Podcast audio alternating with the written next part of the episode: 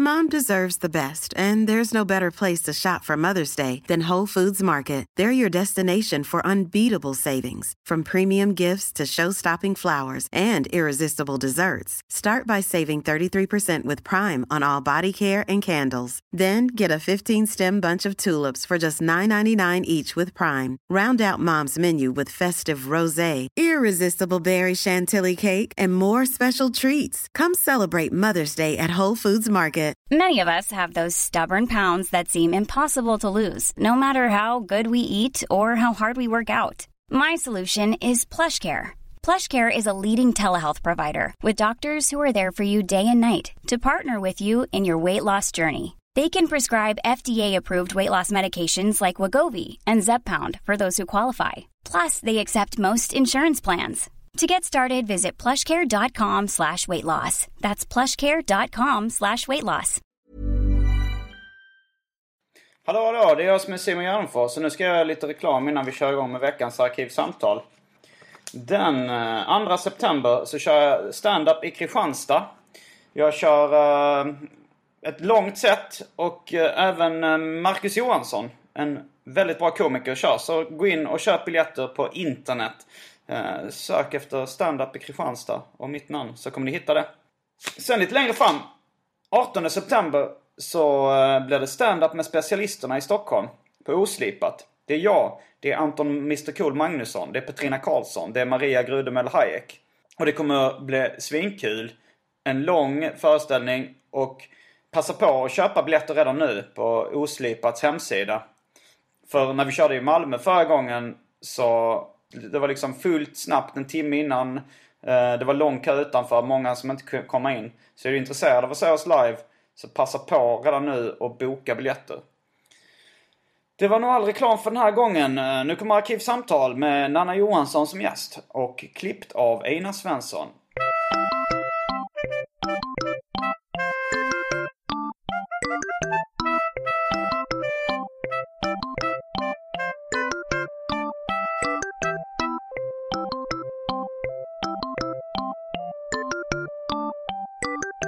Tror att ljudet ser bra ut här.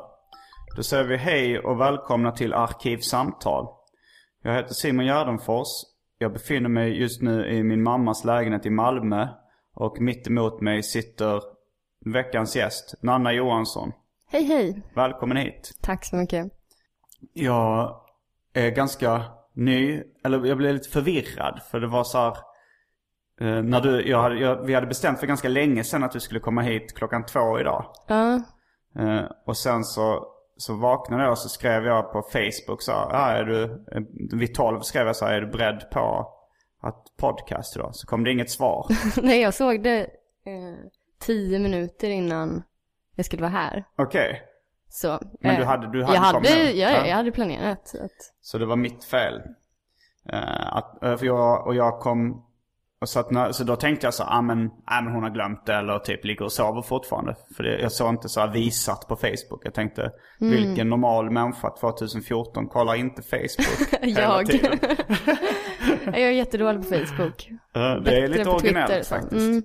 Så om jag hade skrivit det på Twitter så hade du... Då hade jag nog sett det. Okej, Då får jag mer en uppdatering också på telefonen. På det som jag inte får Ah, med Facebook. push media. Mm. Push notifications. Så det, var, det blev, kan man kanske säga komisk effekt. När jag kom ut med en handduk eh, runt höfterna. För jag Ja. stod i duschen när du ringde på min mammas porttelefon. Och det, hon bor i någon form av gated community. Ja, det är väldigt eh, eh, brackigt. Ja. Mm. Min mamma hon har gjort eh, en klassresa kan man säga. Det finns ett avsnitt med henne där hon intervjuas. Där hon berättar att hon växte upp under fattiga omständigheter. Men sen har blivit, uh, blev till slut IT-chef på en avdelning på Astra- AstraZeneca.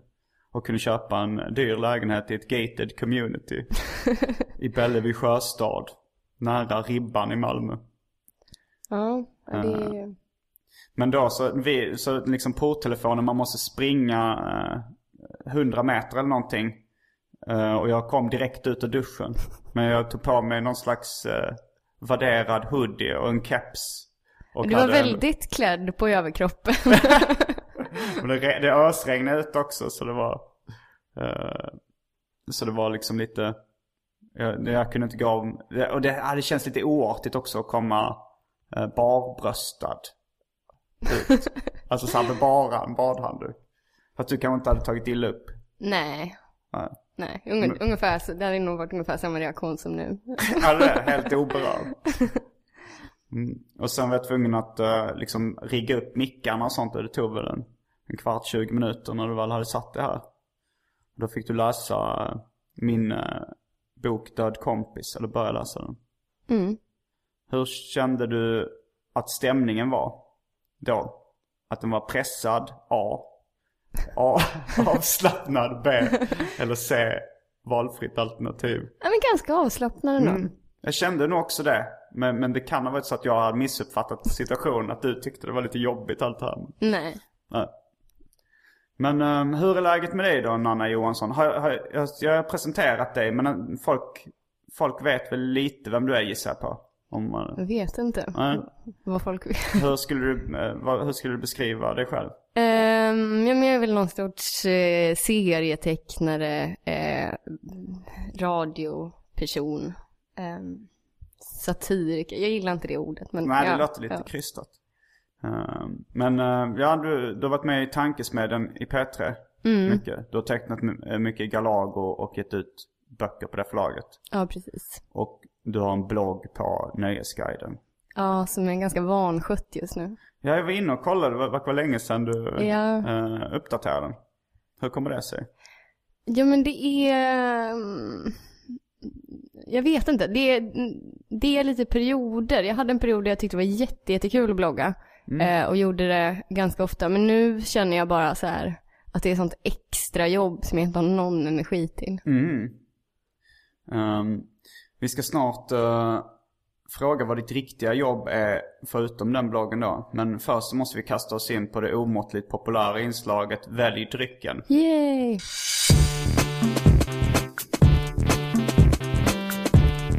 Jag tror vi börjar med det fasta inslaget Välj drycken!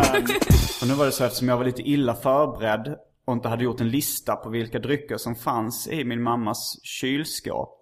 Så gjorde jag så att jag tog ut alla dryckerna. Det är många drycker Det är alltså. många drycker. Och tänkte att vi idag ska liksom Ja, då kan du till och med titta på dem. Det är lite, det. lite bonus. Välj drycken brukar annars vara ren textform. Men eh, vi kan börja med en uh, folköl, 3,5. Åbro Bryggmästarens Premium Dark. Ett milt skummande öl med rik maltig smak enligt gammalt recept.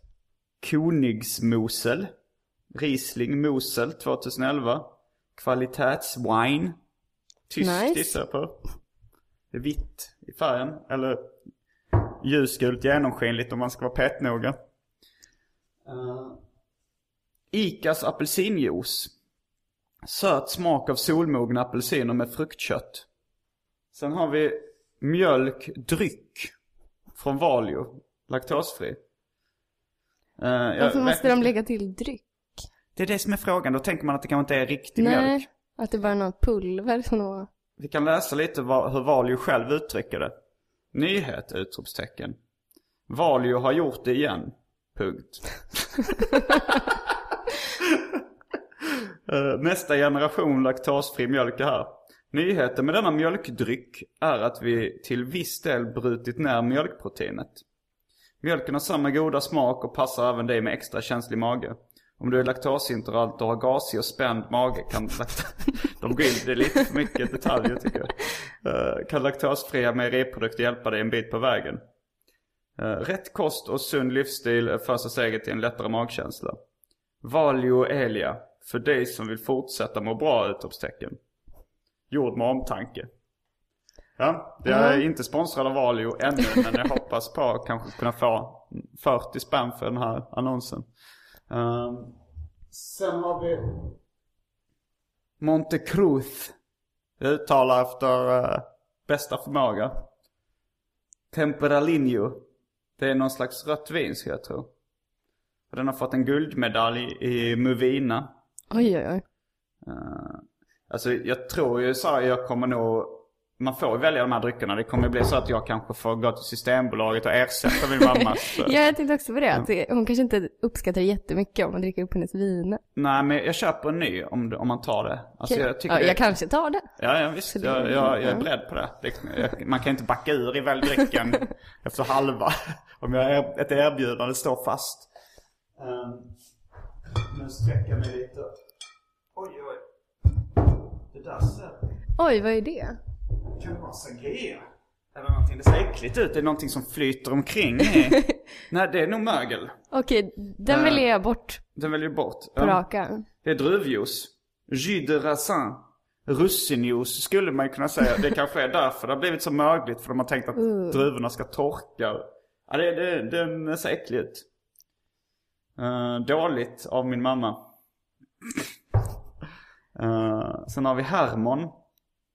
Mount Hermon Red. Det är ett rött vin. Från eh, Danmark kanske. Eller Golanhöjderna. Ett, ett israeliskt vin. Så om du vill eh, ta ställning i konflikten på Gaza kan du välja det. Ehm, sen har vi här uh, Cremant de Loire. Det är någon slags mousserande vin tror jag. Från uh, Val de Loire.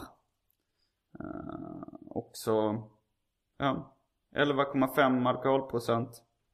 Inte från distriktet Champagne, men det är från Frankrike. Um. Sen har vi en uh, annan som också ser ut mousserande vinflaska. Brut extra. Cremant de Bourgogne. Uh, ja. Det, det är också mousserande vitt vin.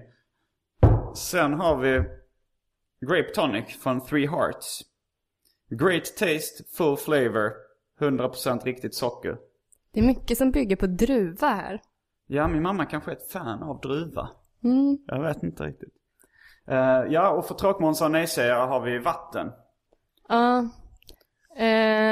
Ehm, men kanske det vita där. Men Det jag, vita vinet. om det inte är så superdyrt. Det har skruvkork Ja. av gul. För jag tycker inte det ser lika flådigt ut som men, men du, man är. du ska inte tänka på... Du, du, jag Alltså, jag tycker det hade varit roligt ändå om du hade liksom... att om vi hade öppnat en flaska D champagne och sen så hade jag blivit så här, varit tvungen att gå till systemet och ersätta. Men jag tror jättemycket på det. Mm, vi, eh, vi tar det, men då, då kanske jag också ska ta ett glas Riesling Mosel från 2011. Då är vi strax tillbaks med glasen som eh, ska ge oss dryckerna. Kända från det omåttligt populära inslaget Välj drycken.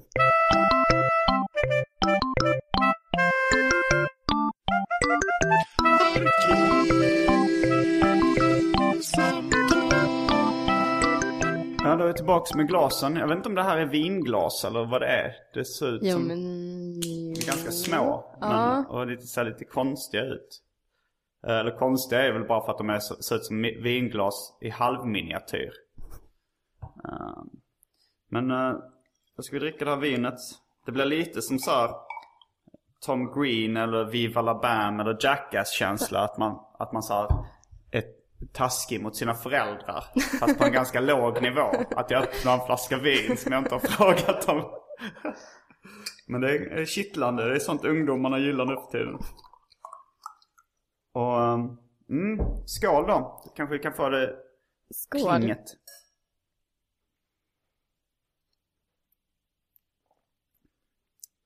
Det var väldigt gott. Mm, det var sött. Lättdrucket. Det gillar vi. Kommer jag bli jättefull? Kommer du det? Varför det? Eller eh, jag tänkte så här om du inte har ätit någonting eller? Ja men det har jag ju. Jag har ätit Okej. en. Eh, en äcklig macka. Mm, från Mido Quality. Mm. Vad innehöll höll mackan? Eh, den innehöll eh, eh, typ brieost och... Eh, nej, det var, det, var, det, var inte, det var inte det godaste jag ätit. Nej. Vi avslutar med, innan vi ska börja med väldrycken så avslutar vi med en ganska slapp cliffhanger. Jag sa vi ska snart prata mer om vad som är ditt riktiga jobb. Just det. Eh, för du sa att eh, bloggen var ett extrajobb som du kände tog för mycket tid. Ja, ja det är svårt. Det, hela mitt jobb är ju massa små jobb liksom. Mm. Vi kan få Eh. lite samma situation då. Ja. så det är så, jag vet inte, det är så rörigt. Är ditt liv rörigt? Ja men ganska. Det är inte, det är inte hur jag föreställde mig vuxenlivet. Hur gammal är du nu egentligen? 28. 28. Ja, nej jag... Nej det var inte så här jag föreställde mig mitt vuxenliv heller. Men jag måste säga att jag gillade mer än den föreställningen jag Ja. hade. Eh, men jag fick lite intrycket av att, att du var lite rörig. Eller så här, för att dels att du inte ville spela in podden i din lägenhet för att det Ja. var så stökigt. Eh, och sen var det... Nej men också, det var nog därför jag tänkte så ah, men hon har glömt bort det. Fast du, du var ju, du var, du var ju min visa, det var mer korrekt än vad jag var liksom. Ja, nej men jag är ganska ordentlig med, eh, med jobb och sånt. Eller om jag har sagt ja till saker. Men eh, jag är väldigt eh, slarvig när det kommer till eh, hå- hålla rent och sånt. Mm. Dålig på det. Hur är du med rutiner? In, har typ Har inga. rutiner. Vaknar eh, olika tider varje dag. Går och lägger mig olika tider varje dag. Okej. Äter oregelbundet. Ehm, inte så mycket, det är inte så mycket styrsel. Men, vandra oss igenom en, eh, en typisk dag i Nanna Johanssons liv. Åh gud. Du kan ta igår som exempel om du, om du vill. Ehm, nej, det kan jag nog inte. Okej. Men eh, eh, Vad är det för privat? för ja, privata och detaljer? Mm. det, igår var också en, en lördag. Så det är inte så mycket vardag så. Men Gör du stor skillnad mellan helg och vardag? Nej, det gör jag faktiskt inte Du har väl heller. inget eh, fast jobb? Nej, men det är mer att, att på helgerna så är det kanske fler av ens vänner och så som Ja. eh, har tid och så eh, att umgås dagtid. Ehm, men eh, nej, det flyter ihop ganska mycket. Men du vaknar på morgonen. Vaknar på morgonen, eh, jobbar hemifrån, så jag flyttar mig, Du går upp direkt och flyttar dig. flyttar mig till eh, mitt skrivbord slash matbord. Du duschar inte och äter frukost och så. Alltså man behöver inte riktigt duscha om man jobbar hemma. Jag duschar alltid innan jag går ut, men Ja. inte, eh, inte för att sätta mig och jobba. Jag, jag, jag är inte en sån som gör mig liksom fin för mig själv.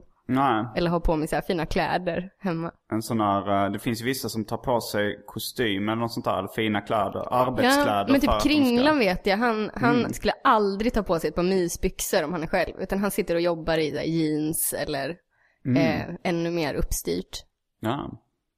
Men, eh, men du, du, du, så du går upp direkt och börjar jobba liksom? Bara förflyttar dig från sängen till köksbordet och börjar... Ja, typ. Och så äter jag frukost framför datorn ofta. Ehm, och typ sitter och kollar mail, eh, sånt. Kanske kollar på något avsnitt av någon tv-serie. Mm. Försöker ehm, få mig själv att sätta igång arbetsdagen. Ja. ja. Det låter som att du inte har inte alls den här eh, pressen från ditt samvete att allting ska eh, gå rätt till. Jag hade fått så här, mitt samvete som är min chef på mitt jobb. Eh, jag hade inte sett med blida ögon om jag började dagen med att kolla på en tv-serie. Nej men jag, jag fått intrycket att du är väldigt strukturerad och, Ja. och Jag, jag sitter lite på två stolar där. Att jag, jag har en image av att vara en slapp drönare. samtidigt som jag är uppstyrd och organiserad. Men eh, vad händer sen då? Nej men sen börjar jag väl jobba. Eh, sen tar jag kanske en paus, så jobbar jag. Eh, Vad är det du jobbar med för tillfället? Nu, eh, nu är det, nu drar det igång igen att vi ska eh, göra podden. Det vill säga, Lilla Drevet, eh, som jag gör för Aftonbladet Kultur. Ehm, och sen så är det liksom små uppdrag som jag kanske tackat ja till för jättelänge sedan. Och som nu... illustrationer till exempel eller? Ja, illustrationer, typ skriva, nu ska jag skriva någon eh, novell för ungdomar och ja, massa olika sådana små jobb liksom. Så det är väl det jag gör. Sen jobbar jag på andra grejer också, så egna grejer som kanske eh, blir någonting längre fram. Så. men som inte ger snabba pengar. Ja, precis. Men nå- förra gången vi träffades, jag tror det kan ha varit på Far i hatten eller något sånt här i Malmö. Då vet jag inte om det var alkoholen som pratade. Em, Eller om du nu? du sa något i stil med du, du kanske inte visste om du någonsin ville göra en bok igen. Nej, nej inte, eller inte ser, i alla fall seriebok känner jag så lite mer. Att, eh, jag vet inte, det är inte så kul att teckna just nu. Nej. Det, jag känner väl lite samma sak. Eller så här, jag, jag tycker det är mysigt på ett sätt att sitta och teckna och lyssna på poddar liksom. Eh, och det, men det ger så långsam bekräftelse. alltså så här, när man ska teckna och sen ska någon läsa det. Med, medan man, om man gör en sån här podd så, så sitter man och snackar och så är det mycket fler, det är fler som lyssnar på den här podden än som köper mina böcker. Ja, det tycker jag känns så himla eh, orättvist ibland. när Man Mm. tänker hur lite, hur lite genomslag det är att släppa en bok. Ja. Och att så här, om, om eh, typ 5000 köper en bok så är det så här, oj vad många. Men är det så många som lyssnar kanske på en podd så är det så här, jaha, eller, Och fnissar folk och... ja, Eh, ja men så är det faktiskt. Men samtidigt så har ju lite, alltså statusen av en bok är ju så jävla mycket större än en podd. ja, den är Om- mer långlivad också. Ja det är kanske så. Fast poddar lever ju kvar rätt länge. Folk lyssnar ju på liksom gamla avsnitt och sådär. Men, men jag tänker till exempel, eh, det är väldigt sällan Aftonbladet eller DN skriver om en podcast. Ja, men det då ska det väl- vara någon skandal. eh, Ja, eller, men, men det, de skriver om eh, böcker som har en ganska låg upplaga och sådär. Och Ja. kan liksom ägna helsidor eller uppslag åt det. Och då kan man ju få, om, om du liksom har, Aftonbladet har vi fyra miljoner läsare en bra dag Oj, liksom. oj, oj. Eh, så då kan de ju, då får man ju den uppmärksamheten liksom genom en bok. Ja. Om man nu vill vinstmaximera sin uppmärksamhet. Jag läste just det om eh, Aftonbladet. eh, att de hade fyra miljoner läsare. När, för det stod, jag köpte Aftonbladet för att jag ville skriva lite skämt och sakna inspiration någon dag. Så satte jag mig på ett café. Och då så stod de där, men då, då recenserade de sommarprataren eh, Pewdiepie. Hans sommarprat. Han är en YouTube-snubbe. Känner du till? Nej, jag har så dålig koll på Mm. samtid. Ja men han, eh, han presenterades som kanske Sverige eller världens mest okända kändis. För han hade 30 miljoner prenumeranter på sin YouTube-kanal. What? Um, alltså han filmar sig själv när han spelar dataspel. Eh, Tv-spel kanske jag ska säga. Jag har fått kritik för att säga dataspel. Det är antingen datorspel eller tv-spel. Eh, nej men, och så lägger han upp det och så säger han roliga kommentarer till. Jag kollade upp det då. Det var faktiskt ganska roliga kommentarer. Han var ganska kvick. Men vad är det, vad är det för spel han spelar? Eh, han, han testar ju liksom några spel, var, kanske ett eller någonting varje dag. Men det är mycket så här skräckspel och sånt där. Okej, så han sitter typ och recenserar och är Han snappy, spelar så eller? s- säger han roliga saker medan han spelar liksom. Och är ganska flamsig. Eh, men det är väl- som att barnen får en kompis. Ja. eh, som, som man kan kolla på. Men det, det var rätt spännande. Men det, var, det, det är rätt så här eh, mind-blowing att han har 33 miljoner, eller 30 miljoner prenumeranter. ja, Och det är säkert mer eh, views och sådär. Men att Aftonbladet, att det är liksom en bra dag har de 4 miljoner läsare. Eller 3 miljoner läsare. eller något. Men ja. Gud vad man borde ställa om till att göra grejer på engelska. Ja, det, det känns ju som att det, det finns ju för och nackdelar med det på något sätt. Ja. Jag vet inte om jag skulle kunna göra det jag gör på, på engelska. Jag har släppt en bok i USA men det... Men då är den översatt? Eller Den är är det du översatt som har... Nej, det är Naomi Novak som har översatt den. Hon har ju bott i USA. Mhm. Och Det, är en, det är en serietecknare som, eh, som är halvamerikan eller någonting. Okej. Eh, så hon översatte den. Och, men, men jag menar, den, det, är, det är inte säkert, det, den sålde säkert mindre i USA än den gjorde i Sverige. Ja. Även om den, jag vet inte hur många, men det, den sålde helt okej i USA också. Men det blev ju ändå de liksom eh, alternativserieromansiffrorna. Ja. Det är inte så att det exploderar. Fast i och för sig YouTube som är gratis och sådär. Där, där, eh, men det är, nog, det är nog ungefär nästan lika svårt att få en hit där som det är Ja, att få fast det en har hit ändå på radio. potential Liksom. att bli, alltså Ja. här är absolut liksom maxpotential är typ att 9 miljoner Ja, tar del av det om man, om man eh, ja, skriver på svenska liksom. jo, Men där är det ju liksom astronomiskt. absolut.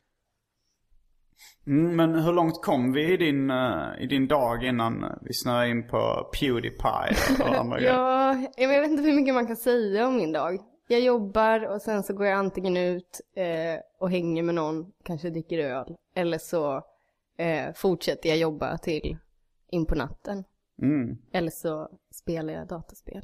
Mm. Vad spelar du för... Du, sa- du sa dataspel också. Ja, Mm. Vad spelar du för Eh. dataspel? Nu i sommar har jag spelat jättemycket eh, Hearthstone.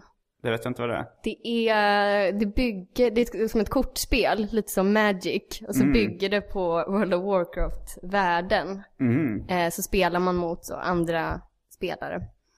Så gäller det att ha den bästa däcken då. Vad är däck?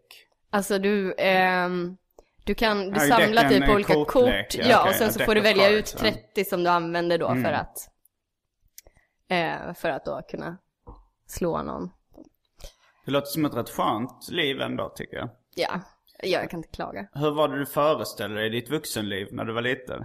Ehm, ja men k- mycket, mycket mer uppstyrt. Mm. Kanske så att jag, ja, men jag kanske tänkte så här att jag skulle jobba, ja men inte vet jag, eh, som journalist eller något sånt. Alltså, eh, kan, jag tänkte väl någonting inom kulturmedia men mycket mer dagjobbs och uppstyrt liksom. Ja. Ehm, jag tänkte nog liksom anställning, inte någon slags frilansträsk. Men frågan är alltså om man, om man söker sig till det man föreställer sig. ja. Eller om man, om man, alltså för att man, det är kanske inte alltid det man vill som man föreställer sig. Jag kommer ihåg när jag, när, när eh, så här, inför år 2000. Det var ju så här när man var liten. Så var det ju så här, oj hur kommer jag vara år 2000? man kunde ju fantisera om det. Jag kommer ihåg vi hade en sån Mina vänner-bok. Eh, min syrra hade det där det stod Där det stod så här, det var ju, du vet Mina vänner-böcker. Ja, man skriver och så stod det så här Gör jag år 2000. Detta var någon gång i mitten på 80-talet. Och min syrra, kommer jag ihåg, skrev död. Men hon, det var nog bara för att hon var dålig på matte då liksom. Att hon trodde att det var så långt fram så hon kommer förmodligen vara död. Åh gud vad deppigt. Eh, men hon, eh, hon lever fortfarande. Men jag kommer ihåg att jag började fa- fantisera om hur år 2000 ser ut. Och jag, skulle, jag var nog kanske 20 år 2000. Kanske 21. Jag, är- jag är eh, mycket sämre på matte än vad min syrra är. jag är född 78. Så det borde vara 22 kanske. År 2000 eller 21. Jag vet inte. Jag kan inte. Men då så kommer jag ihåg att jag tänkte, för vi bodde i Lund då när, och, och då så liksom fantiserade jag om hur mitt liv skulle se ut. Så liksom jag tänkte att jag skulle, för det var så liksom en lite större gata längre ner. Nära skolan Spyken. Jag tänkte där, kanske en sån lägenhet där, kanske jag kommer bo. Och så tänkte jag mig själv i kostym. jag tänkte det är så vuxna klär sig. Vad rart att du bara drömde dig någon gata bort. Ja, jo, men min värld var så liten liksom, att jag tänkte jag kanske har flyttat, he- jag har flyttat hemifrån. Jag bor inte kvar här hos mina föräldrar. Jag har en egen lägenhet. Var finns det lägenheter? Där, på den gatan. Och så tänkte jag att jag kommer nog vara student då, men jag tänkte ändå med i kostym liksom. Men, eh, men eh, nej men. nej, Nu så, eh, jag hade verkligen inte kunnat tänka mig att jag kunde leva på och göra underhållning och sådär. Nej. Mycket för att min mamma sa att det, det går inte att leva på. Så hon tyckte jag skulle börja jobba med reklam. Ja, det tyckte folk, inte min familj, men eh, här, andra släktingar liksom. Mm. Var också så här, du borde hålla på med reklam, det är där pengarna finns. Ja, det, är nog, det kan nog alla som håller på med något kreativt relatera till. Att Ja. deras släktingar tycker att de ska hålla på med reklam. Och jag tyckte i och för sig det lät lite kul för att jag är intresserad av förpackningsdesign och sånt där. Och det är väl, måste väl sägas vara en del av reklambranschen. Att jag vill göra godisförpackningar och sånt där. har du fått göra det? Nej. Eh, men uh, men det, är nästan, det är nästan roligare att nu, den boken du bläddrar i ser lite ut som en godisförpackning. Mm, Och vissa sidor fin. och sådär ser ut som Ja, godisförpackningar. den, ser ut som, den här sidan ser ut som det skulle kunna vara så här, någon lakrits. Eh, nu pekar hon på sidan där det står praktiska saker i boken Död kompis. Mm, nej men det är många av sidorna som är inspirerade av godisförpackningar. Eh, men, och det men om jag hade haft, om jag hade jobbat på en designbyrå som gör sådana grejer, då hade det säkert varit mycket tråkigare. Ja. Då hade kunden, då hade ICA tyckt att nej men det, det där, det, det passar inte vår grafiska profil. Ja. Då hade jag säkert inte fått göra vad jag vill. Vi vill ha en bonde och en ko. Som är fotograferad när de ser så milda ut. Har du gjort några förpackningar? Nej, eller jag gjorde en utställning en gång som hette så Ful livs. det kommer jag ihåg. Ja, som- som det var- i Stockholm va?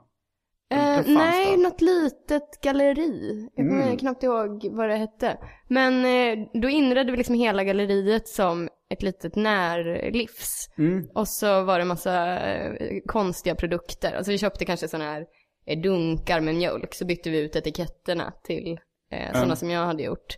Och så bara var det massa sånt. Det var, det var en jättemärklig utställning, men det var ganska kul att hålla på och...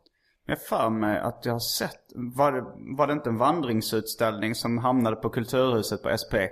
Alltså Small Press Expo? Ja, Det kanske, för vissa av grejerna kanske följde med dit Ja. sen. Ehm, men den var i, jag tror det var i Stockholm och Ja. Malmö.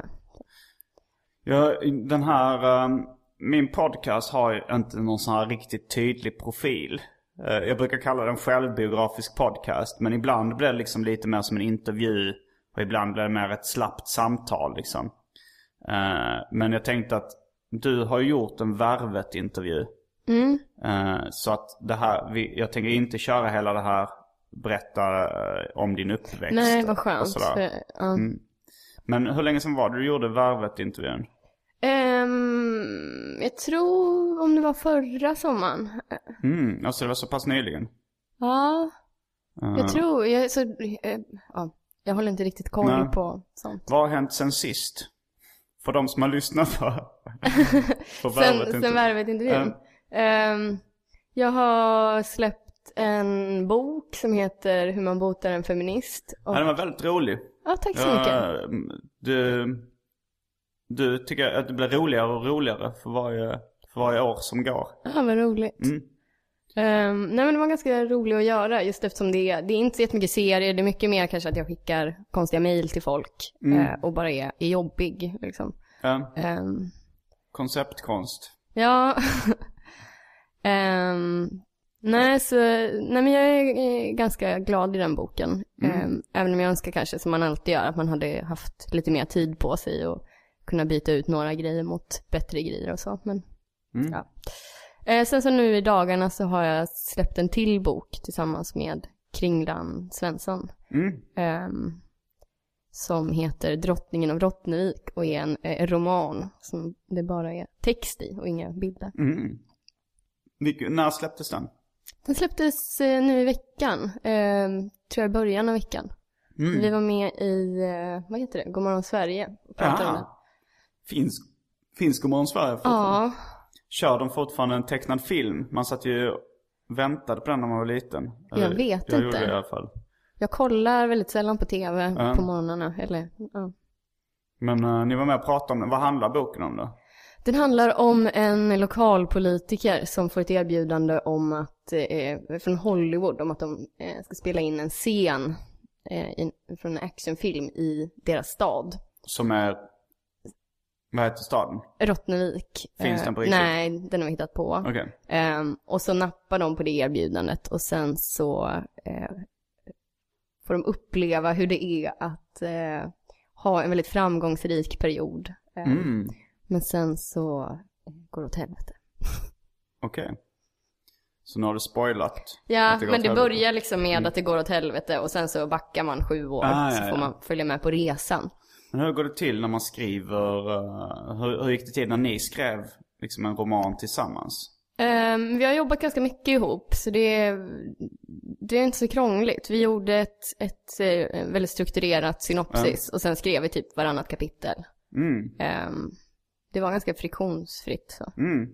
Men ni, ni har ju varit tillsammans tidigare. Mm. Det har väl också... eh, Det var ni ju när Värvet-intervjun gjordes. Var vi det? Jag för mig det. Eh, Åh, för att ni bodde väl ihop där nästan? Jag. Tror inte vi var ihop då. Eh, Men då, det- i sådana fall var det två år sedan jag var med där. Men, Det ja, kan det ha varit. Men, eh, men, men ni... Det var ett bra uppbrott då, så ni kan Ja. fortsätta samarbeta. Ja, det har varit ja, men väldigt eh, odramatisk eh, relation. Så. Ja, fan vad skönt. Men, eh, men, men sit, ni sitter ni bredvid varandra och- skriver liksom? Nej, eller ibland har vi gjort det, men ofta är det att man sitter och, eller vi, när vi började skriva på boken så var vi ihop och då kunde det vara att vi satt i samma rum fast eh, jobbade på varsin del liksom. Mm. Men sen gjorde vi slut och sen skulle vi fortsätta jobba med den så då skrev vi på varsitt håll. Ja. Vilket förlag? eh, Alfabeta. Ja, de äger Galago nu Ja, eller hur är det? precis. Eller äger Ordfront till och med. De äger ordfront. Ja. Ja. ja men det, det känns ju, det är ett stort förlag. ja, precis. De är ju, det är ju ett mest barn och ungdomsförlag. Men så har de en liten vuxenutgivning. Och där Mm. ligger vi då. Så ni ska till bokmässan då i år eller? Mm. Ja, jag ska också dit. Ehm, så då kan ni som lyssnar på det här komma dit. Jag ska nog spela in till och med ett live-avsnitt av uh, Vart då någonstans? Arkivsamtal. De har något ställe som heter Digitala torget. Ja, ja, ja. ja. ja det är en lite mysig eh, del. Mm. Eh, ja men det gjorde jag förra året också. var Nina Hemmingsson gäst. Och det blev, det blev skoj. Nu tror jag att jag ska prata med Johan Wanlo. Mm. Han har varit gäst innan. Han var jäkligt skojig. Men det, han bor i Göteborg så det är svårt att komma i kontakt med honom till vardags. Men eh, jag vet nu, nu så fick jag ett erbjudande om ett stand-up gig eh, samtidigt som bokmässan typ i Norrland någonstans. Jag kanske måste Aha. åka fram och tillbaks ifall det blir av. Gud vad jobbigt. Jag hatar att resa så. Hatar du det? Ja, alltså jag, jag gillar att vara på andra platser. Men jag Mm. tycker in, alltså jag tycker det är så himla jobbigt att typ packa, passa tider, typ åka tåg och flyga. Uh. Jag, jag tror jag gillar det. Speciellt alltså tåg. För då, ne- ett fåtal tillfällen jag kan slappna av lite när jag, alltså både flygplats och tåg.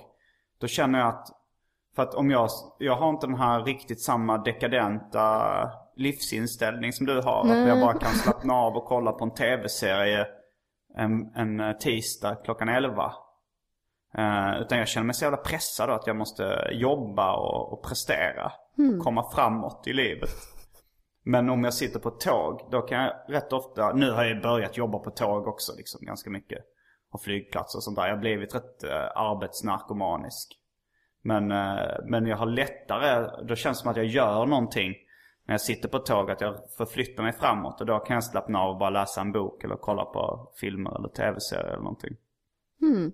Jag blir liksom uttråkad på tåg även om jag har, även om jag läser en bok som jag kanske skulle välja att läsa hemma. Så kan jag ändå tycka att det, det blir liksom tråkigt att läsa just för att jag sitter på tåg. Aha. För att man inte kan gå omkring och så här. Ja, Eller- eller, eller- för att det är, att det, jag vet inte, det blir någonting att det inte är självvalt. Oj, nu Nu regnar börjar det det. ösregna här utanför. Det är bra att man är inomhus. Ja.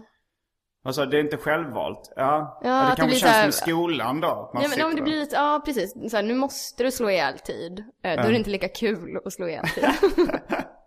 Vad, läser du mycket litteratur? ja, ehm, va, jag hade någon svacka för ett tag sedan då jag nästan inte läste alls. Men annars så läser jag ganska mycket. Mm. Vad håller du på med för tillfället? Ehm, jag eh, började precis att lyssna på eh, den ehm, När man skjuter arbetare. Mm. Den... eh, Kerstin Thorvald. Kerstin Thorvald. Ja. Ehm, som ljudbok då. Är den, hur gammal är den? Gud, jag vet inte. Men det, jag eh, känner inte till den. Nej. ehm, Men Kerstin Thorvald. Eh, det var inte hon som åkte runt på så sexuella äventyr i Europa? jo men det tror jag hon har. Det var hon, okej. Ja. Mm. Lever hon fortfarande? hon dog väl för något år sedan. Ja det, kan, ja, det var kanske då det var lite specialprogram om Mm. henne på tv.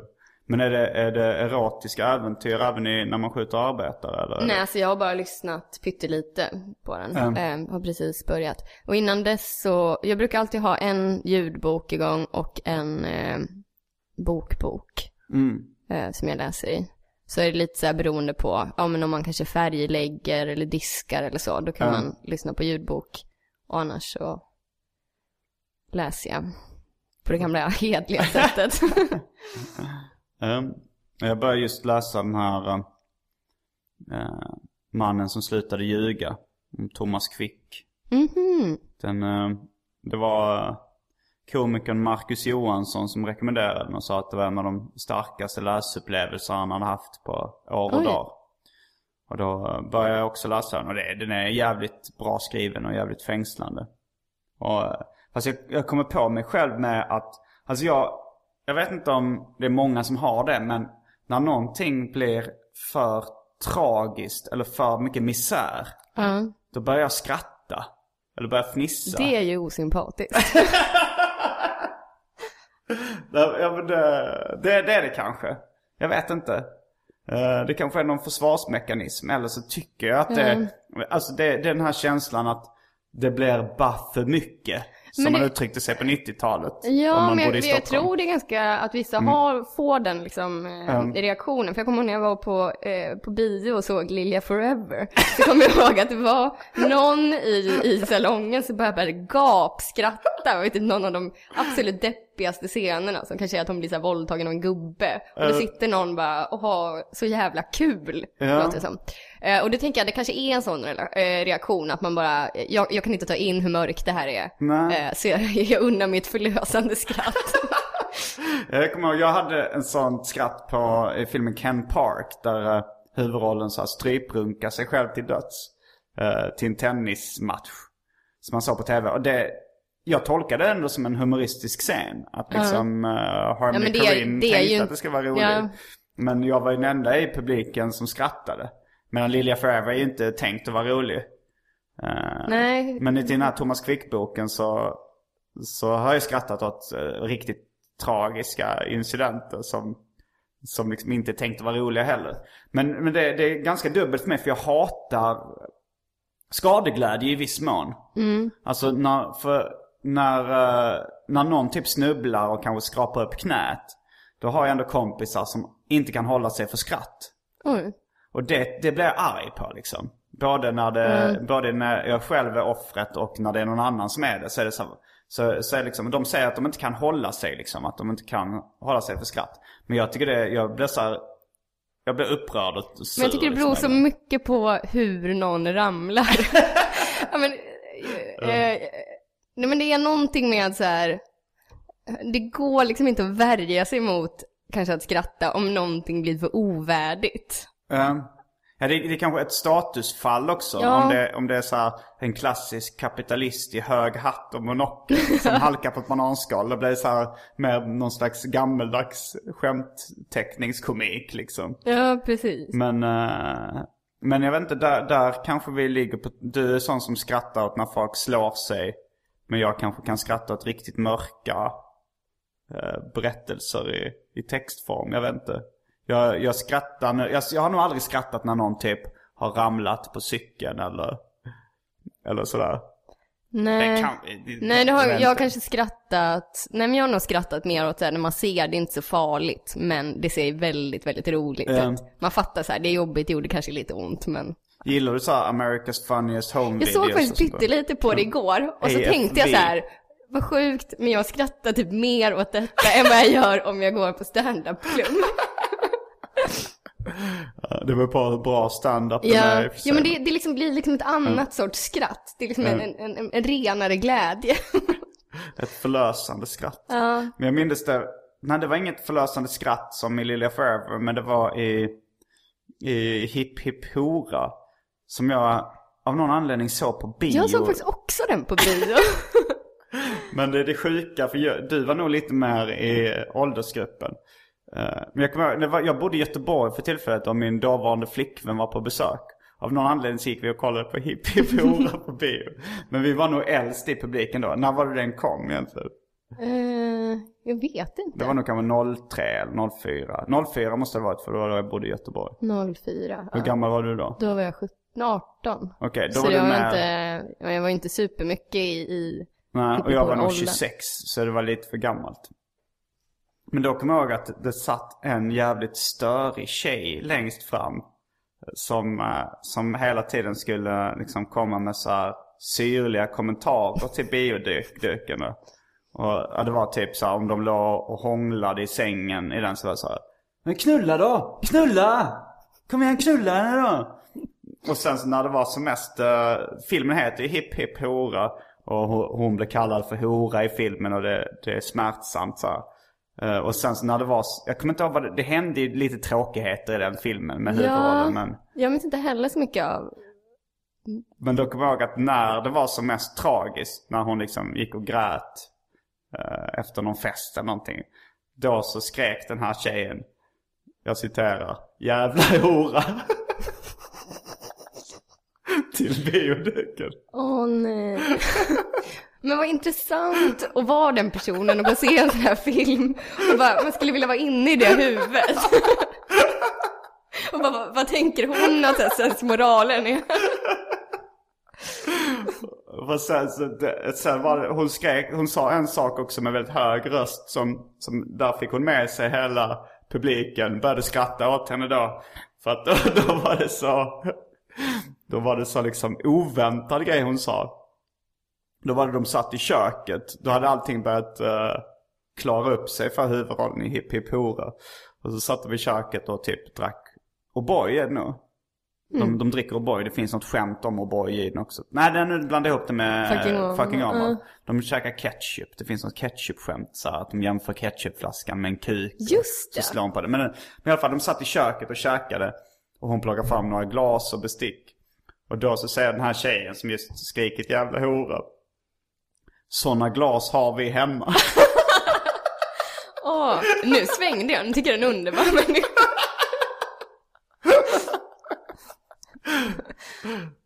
Ja, det var ganska roligt med när den här nedladdningsdebatten också.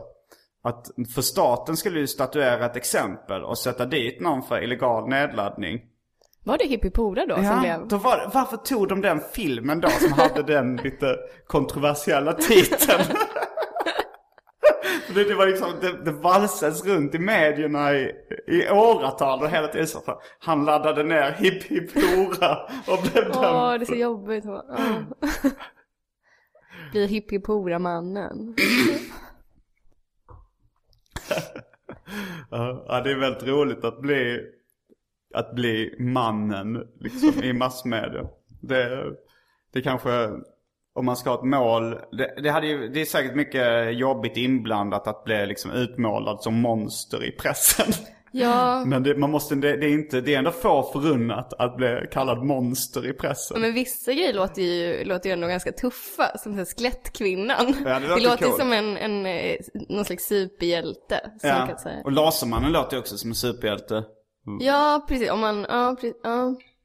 Jag skrev ett skämt på det när det var eh, Apropå att det låter som superhjältar, alltså hivmannen och lasermannen och så här. Att jag, ifall jag skulle döda någon eh, någon gång så skulle jag göra det genom att eh, klubba ihjäl någon med en jättestor djupfryst korv. Bara för att i massmedia få namnet Pölsemannen. men, eh, men gör de det? För, för innan kommer det vara med 35-åringen, 33-åringen och sånt där. Men sen de kanske insåg massmedia att det var mer sälj i Det är ju att hitta på väldigt mannen. säljigt. Så, Ja. NK-mannen. Men vad gjorde skelettkvinnan? Jag har nog missat det Hon, lite. hon eh, s- som jag har förstått det så gjorde hon, eh, Vill du ha mer vin snuskiga grejer. Eller Ja. du har ett glas. Men... hon gjorde snuskiga grejer med eh, kvarlevor. Jaha, alltså hon knullade skelett. Ja men hon kanske så här eh, stoppade det? upp en benknota. Jag vet Ah. inte vad hon gjorde. Hur, hur, erkände hon allt det här eller var det, blev hon tagen på bar gärning? Jag kommer, inte, jag kommer mest ihåg, jag läste inte så många av de nyheterna, jag kommer ihåg att det var väldigt många i min bekantskapskrets som drog skämt om det på Mm. scenen. Om skelettkvinnan? Ja. Mm. Vilken är din favoritbrottsling genom tiderna? Men jag är från Gävle och där är ju, eh, där sätter man ju upp eh, bocken varje jul. Ja. Och så är det så här, åh den brinner alltid ner och det brukar vara så här, ja men någon på fyllan som kanske har tuttat eld på den. Och så var det något år som var, som det hade varit, jag kommer inte ihåg men typ att eh, gärningsmännen hade varit utklädda till eh, tomtegubbe och pepparkaksgubbe.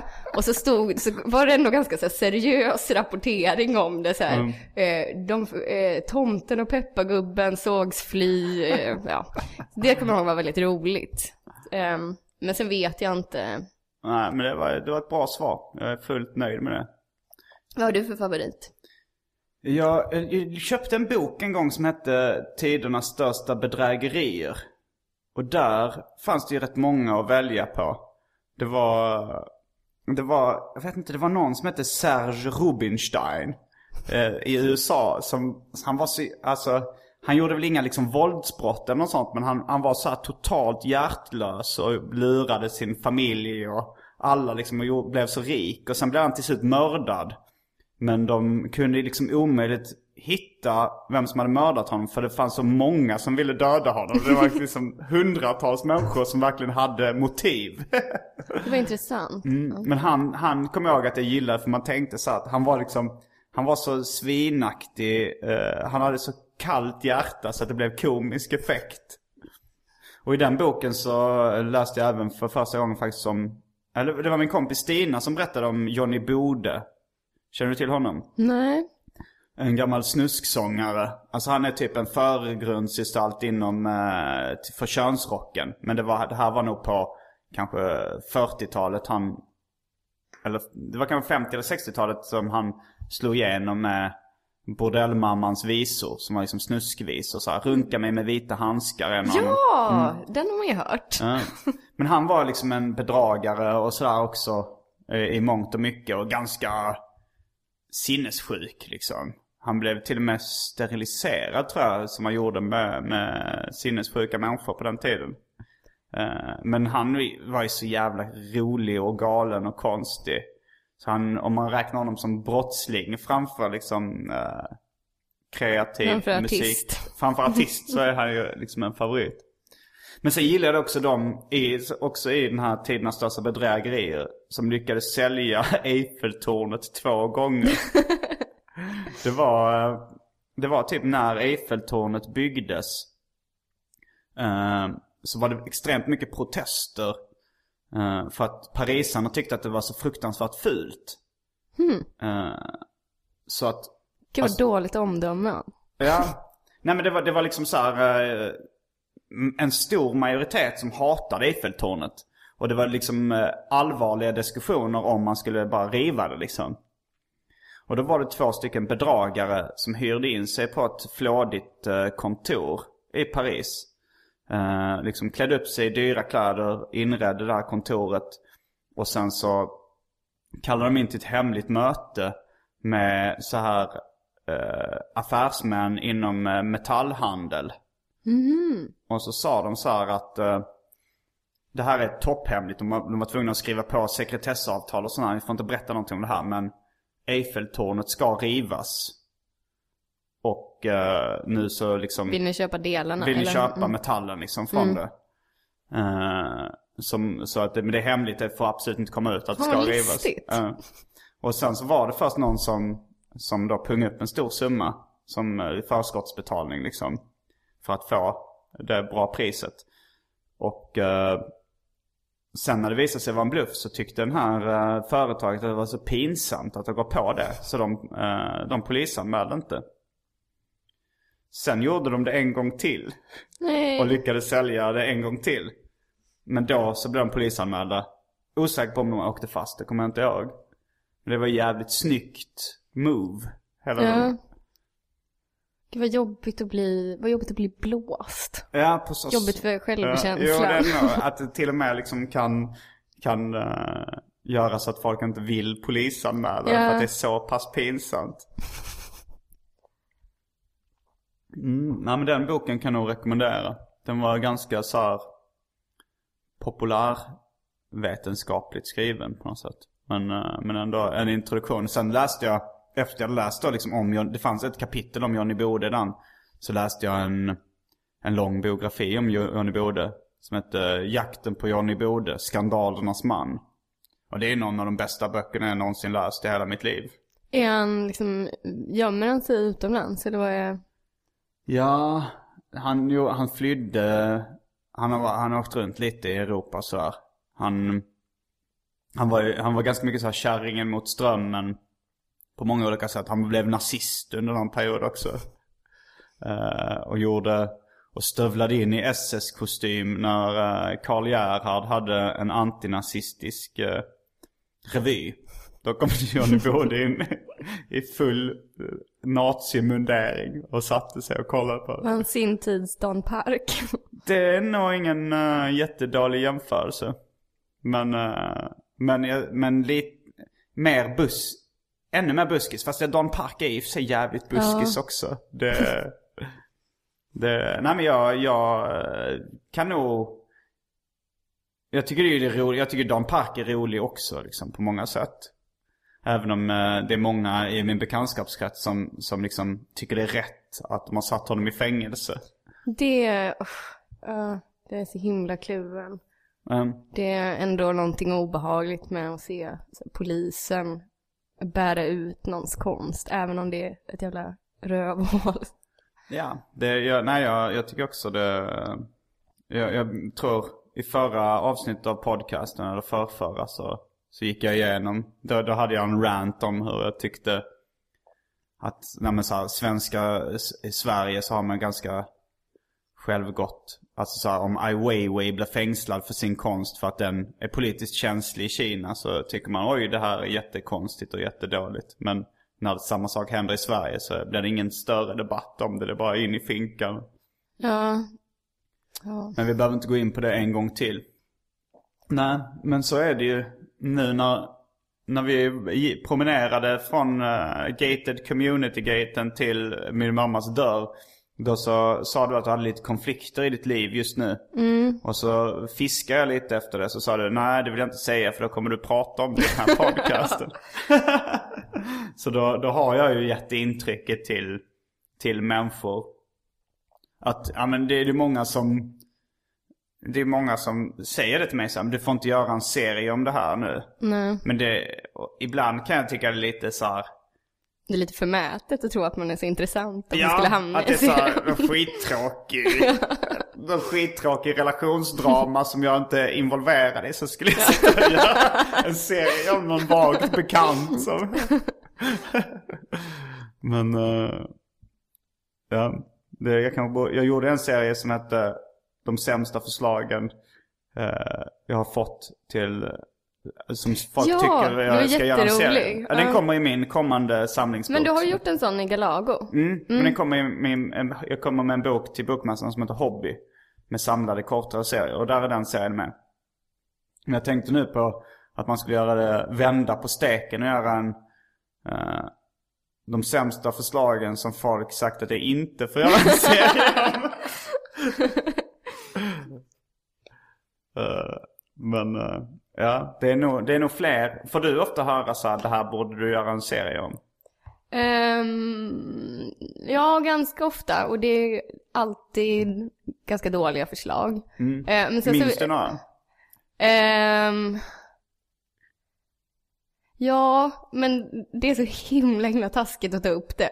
För det är en person som jobbar inom media och det är så fruktansvärt dåligt förslag. Så att jag... Men Om du inte nämner namnet så kan Nej, du bara nej men jag, jag, bara den mikroskopiska möjligheten att den personen lyssnar.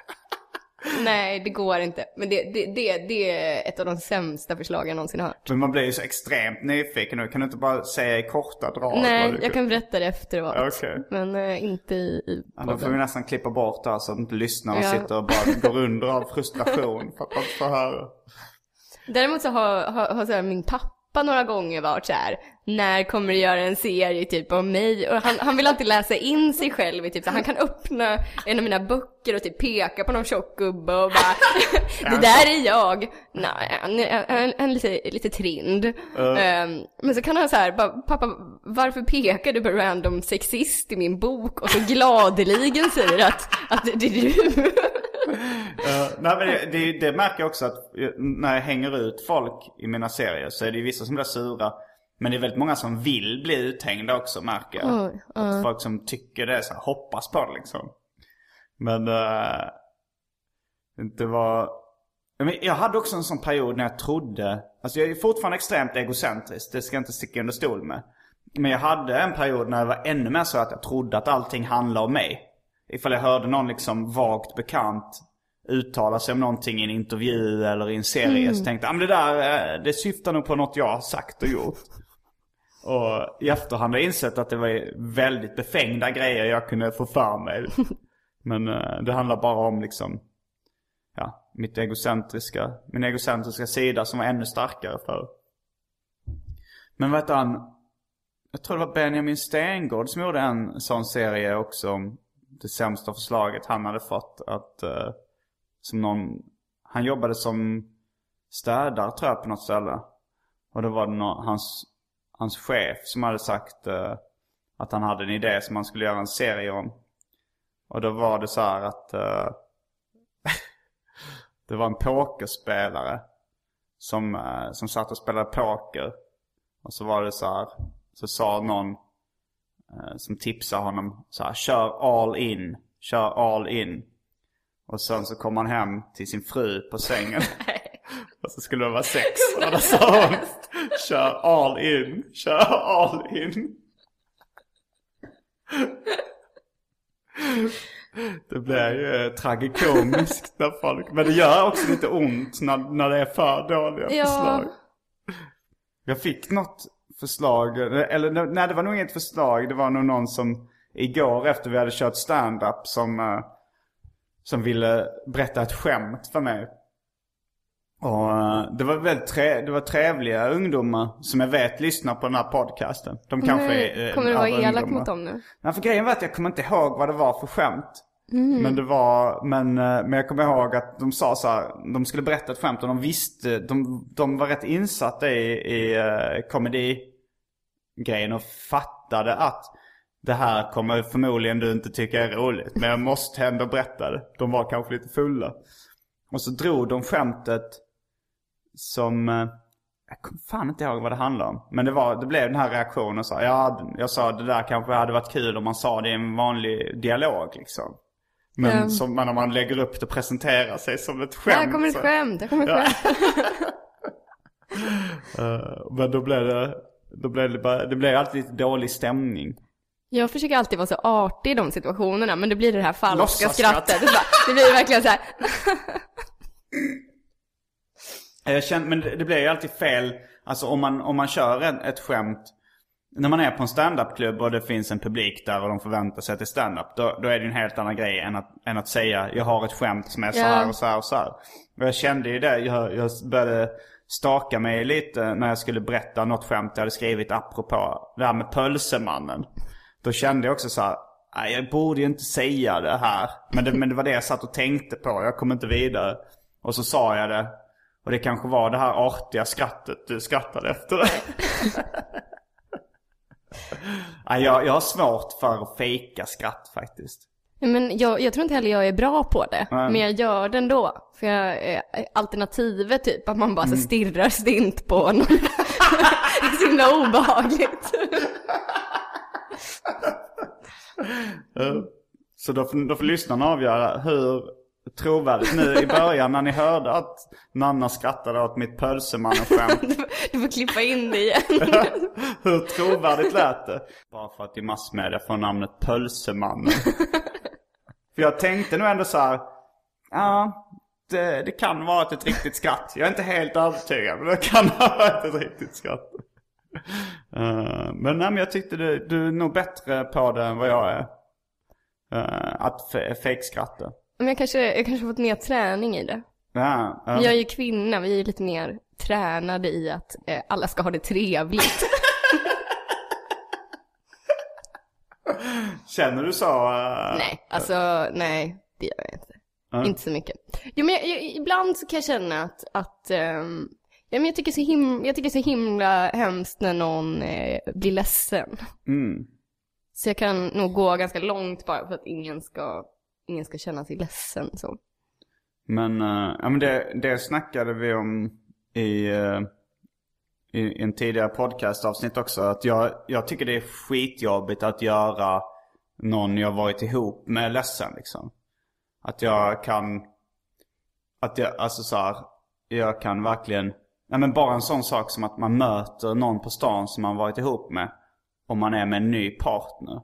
Jaha, då tänker då är Det- du inne i den andras huvud som möter. och det är en ja. mardröm för mig verkligen. Liksom. Att det, det är så, jag tycker det är ex- extremt obehagligt. Men, men sen, jag menar, ifall folk blir ledsna av mina skämt. Det tycker jag bara är kul. Oj. Det, Jag är det- nästan tvärtom Aha, tror jag. är det Ja. så? Ja, jag kan nog vara ganska, ganska kall och oberörd. När det kommer till... Ja, man märker, jag, jag märker att vissa människor är kalla och oberörda när det gäller sådana saker. Och jag kan inte relatera för fem öre. Hur kan de göra det här? Ja.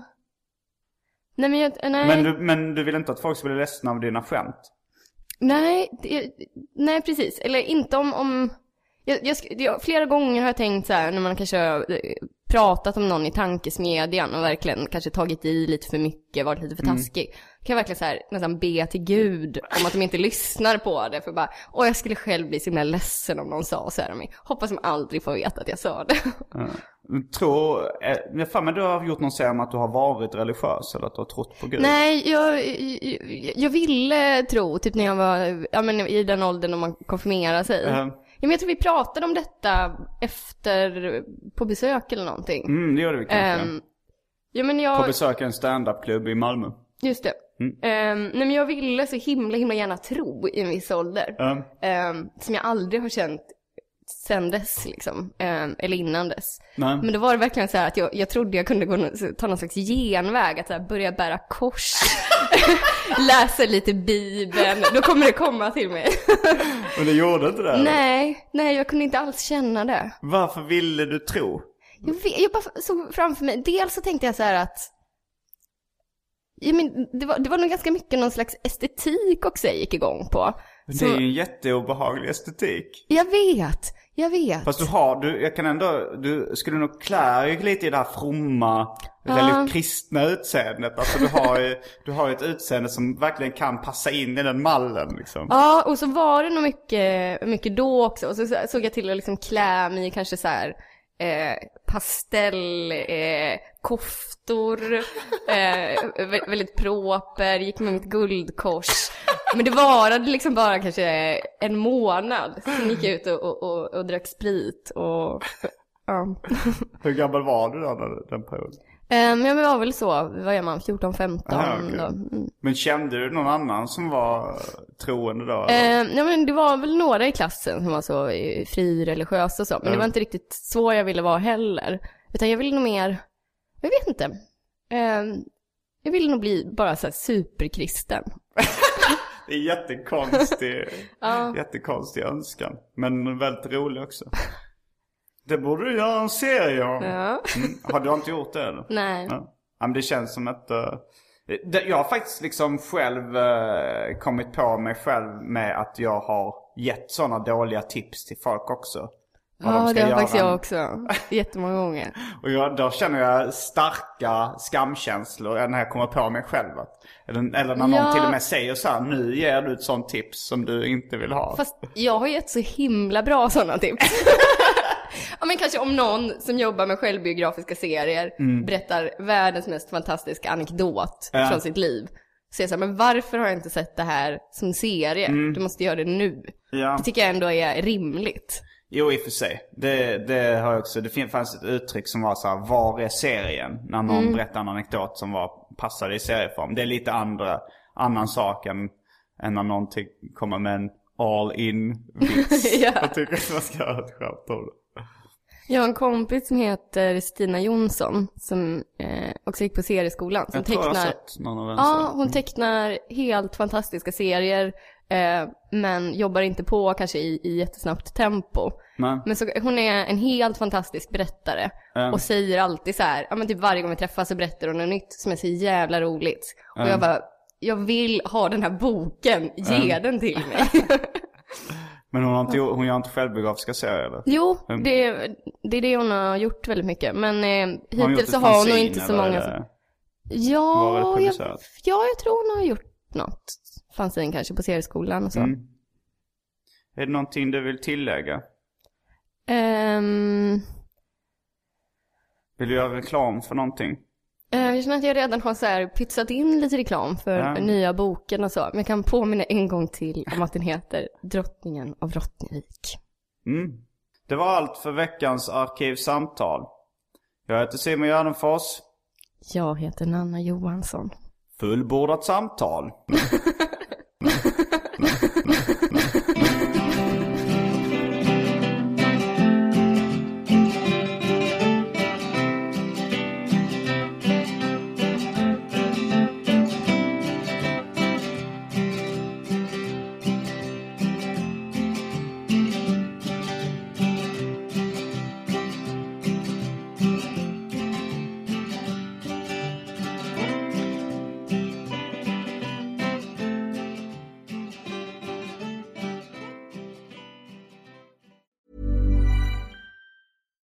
it's Paige DeSorbo from Giggly Squad. High quality fashion without the price tag. Say hello to Quince.